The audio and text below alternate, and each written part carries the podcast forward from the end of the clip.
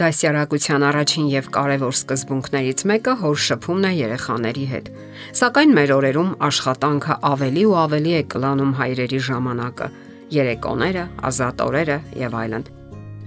Շատ հայրեր էլ աշխատում են դրսում, ասենք արտերկրում, եւ այս ամենի արդյունքում շփումը հաճախ հասնում է նվազագույնի, եթե չասենք լիովին դադարում է։ Իսկ եթե այս բոլորին ավելացնենք նաեւ ոչ լիարժեք ընտանիքները, որտեղ բացակայում է տան տղամարդը ամուսնալուծության, մահվան կամ այլ պատճառով, պատկերը པարս կդառնա։ Որոշ երեխաներ էլ այս վերջին տարիներին դասյարակվում են դայակների կամ տատիկների օգնությամբ նրանց խնամքին են, քանի որ մայրերը աշխատում են եւ այնուամենայնիվ ինչպես շփվել, ինչպես դասյարակել իսկական տղամարդ։ Վերջերս հետազոտություն է անցկացվել, որի արդյունքները ցնցել են անգամ հետազոտողներին։ Առաջադրանքը հասարակ էր, ողրզվել, որքան ժամանակ են անցկացնում ծնողները երեխաների հետ։ Դրա համար երեխաների հագուստի վրա ամրացրել էին միկրոֆոն։ Միջին ժամանակը, որ անց են կացրել հայրերը երեխաների հետ, եղել է ընդամենը 37 վայրկյան օրվա ընթացքում։ Շփումը սահմանափակվել է օրվա ընթացքում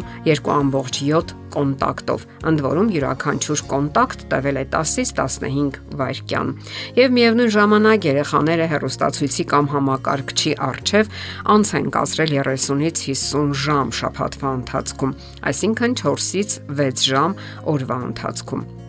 Ահա թե ում խնամքին եւ դաստիարակությանն են հանձնում ծնողներն իրենց երեխաներին։ Ահա թե որտեղ են երեխաները ձևավորում իրենց արժե համակարգը։ Բայց չէ որ արժեքները չեն սովորեցնում, դրանք փոխանցվում են ծնողների կողմից երեխաներին։ Իսկ ինչպես փոխանցել այդ արժեքները։ Կասկածից դուրս է միայն ամենօրյա իրական կյանքում շփվելու միջոցով։ Հոր վերաբերմունքը մոր հանդեպ դասերակցության եւ արժեքների փոխանցման երկրորդ տեսակետն է։ Երեխաներն անցալում են ոչ այնքան ականջներով, որքան աչքերով։ Նրանք պատճենում են այն, ինչ տեսնում են։ Եթե հայրը չի զգում եւ չի լուծում այն հիմնախնդիրները, որ զգում է մայրը, տղան երբեք չի դառնա իր ապագա կնոջ եւ ոչ միայն կնոջ պաշտպանը։ Ահա թե որտեղից են մեր հասարակության մեջ հայտնվում անհոգի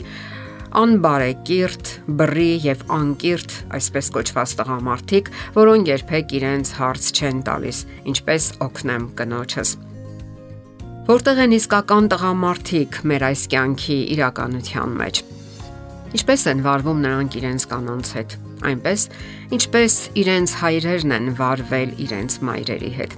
Ուշադրություն դարձրեք ձեզ, սիրելի հայրեր, ինչպես եք զրուցում ձեր կանանց հետ, ինչպես եք լուծում վիճահարույց հարցերը, ինչպես եք օգնում նրանց տանը, ինչպես եք շնորհակալություն հայտնում նրա արած ամեն ինչի համար, համեղ ճաշի, համեղ ընթրիքի, ինչպես եք համբուրում նրան հանդիպելիս կան բաժանման ժամանակ, ինչպես եք գրկում։ Այս բոլորը դասերակցության անհրաժեշտ դասեր են տղաների ապագա տղամարդկանց համար եւ թող դրանք արժանի հիշարժան դասեր լինեն։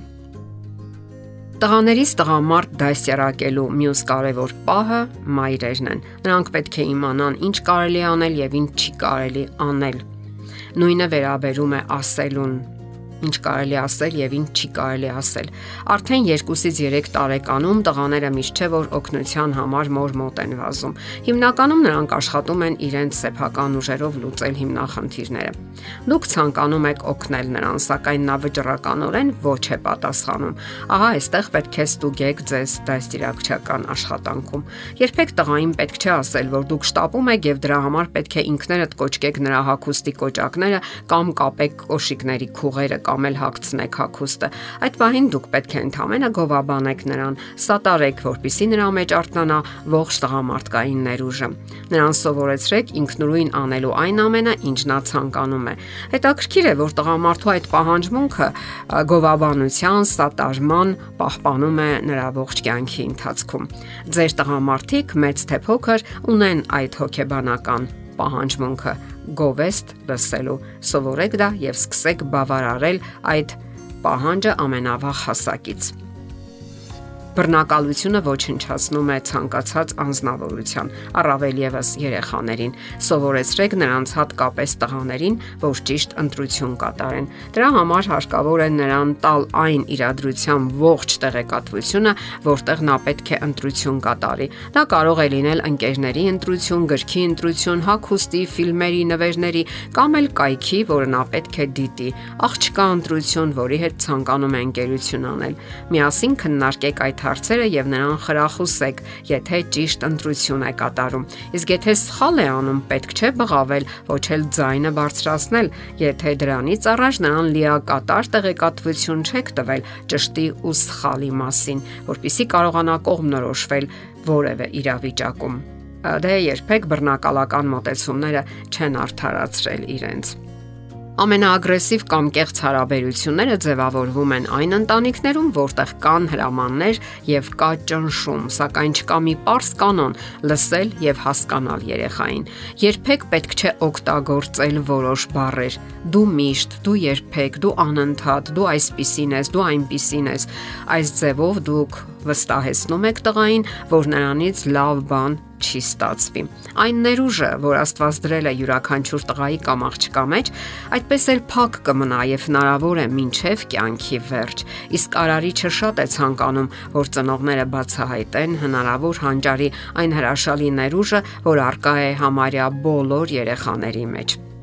թե ինչ պահպանեք ընդունված եւ ստուգված այս կանոնները եւ տղամարդկային մի հետաքրքիր սերունդ կմտնի հասարակական կյանք, պատասխանատու եւ հուսալի, ընտանիքի հենարան ու պաշտպան, ինչի կարիքը այսօր ունեն կանայք։